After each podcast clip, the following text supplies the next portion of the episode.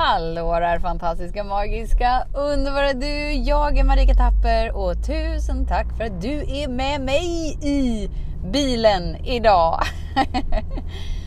idag tänkte jag att vi skulle prata lite om eh, livsval och vägar. Det var lite där jag tonade in mig när jag sitter nu på vägarna i bilen. Så det skulle vara kul om du ville hänga med mig en stund. Så eh, ja, då vet du vad det är som gäller idag. Så den stora frågan är, hur lär vi oss att älska oss själva utan att vara egoistiska och självgoda? Det är frågan och denna podcast den kommer ge dig svaren på det och mycket mer. Mitt namn är Marika Tapper och varmt välkommen till Hemligheterna bakom att älska sig själv. Det är lite som att vi människor eh, blir lite rädda för att göra nya val om vi inte riktigt kan se vad de kommer att leda oss eller att vi är rädda för att göra ett val för att sen komma fram till att oj, vi kanske ångrar oss, vi kanske vill ta en helt annan väg. Och det gör lite att, att vi inte vågar göra några val överhuvudtaget för att vi är rädda för att ångra oss. Och så hamnar vi liksom i, i någon slags så här eh, gråzon. Där vi inte får momentum och kraften till att skapa det vi vill.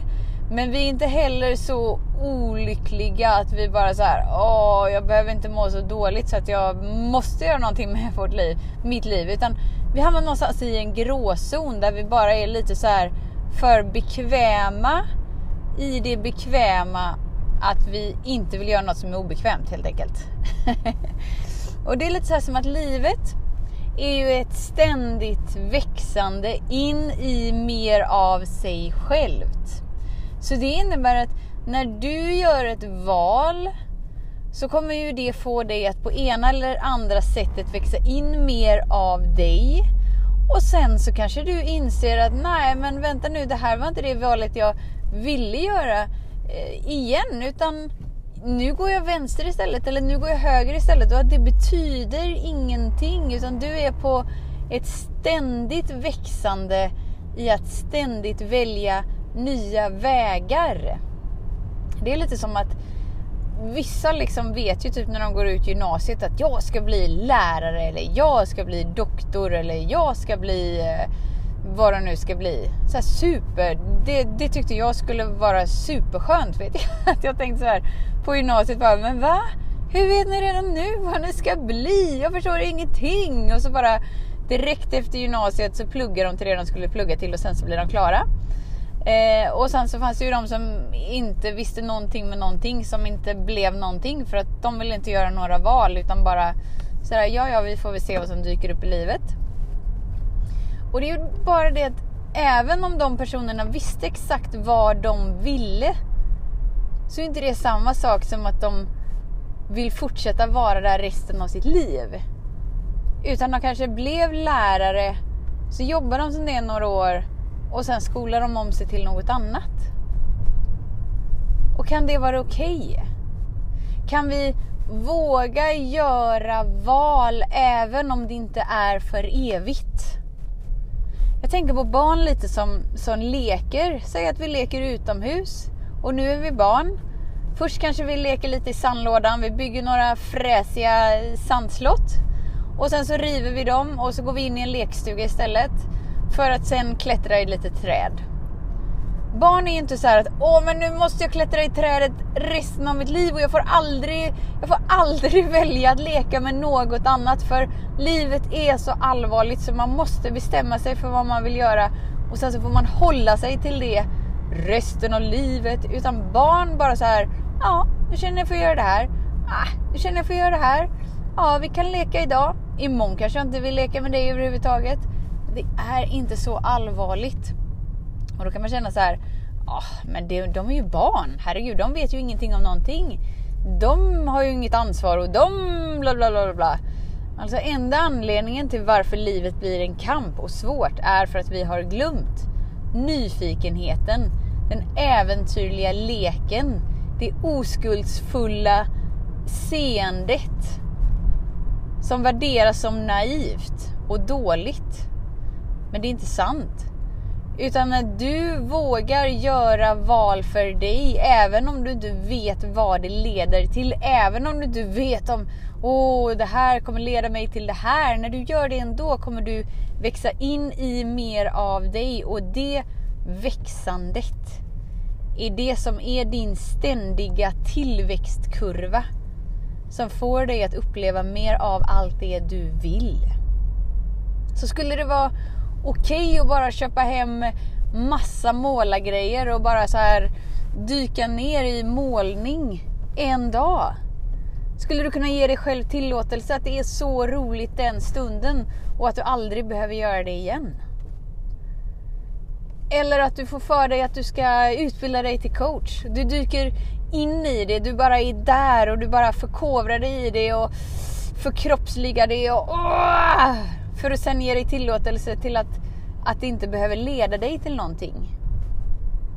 Alltså när vi inser att jag är sedd, jag är hörd, jag är älskad, jag är hel, jag är en del av helheten. Jag kan inte, jag kan inte göra någonting för att kliva ur. Skulle du då kunna göra val som är lite mer kanske för andra ologiska för att växa in djupare i dig. För sanningen är den att när du är med dig är du aldrig ensam och du har alltid tillgång till allt. Det innebär att du blir källan för idéer, du blir källan till energier, du blir källan till nyskapande igenom dig. Och det nyskapandet gynnar dig, alla runt omkring dig och hela världen. Du spelar en så stor roll i helheten när du väljer att kliva in i den. Att ja, alla dina val spelar roll, men när du kan göra val som inte är baserade på att det måste leda, på, leda till någonting och lägga på den tunga ansvarsbiten för vi lever ett allvarligt liv. Då kan du nyfiket utforska vad du vill göra. Våga ta en ny väg. Våga utforska en ny stig. Och så är du på den stigen och den vägen så länge du vill vara där. För att sen tona in dig på något annat. Det finns inga fel, du kan inte göra bort dig. Och om du känner att ja, men det blir nästan som att jag blir så vilsen, som att jag byter vägar så många gånger så att jag aldrig kommer komma fram. Våga stilla ditt sinne. Våga kliva ner i kroppen för att verkligen uppleva. Vem är jag? Och vad vill jag uppleva?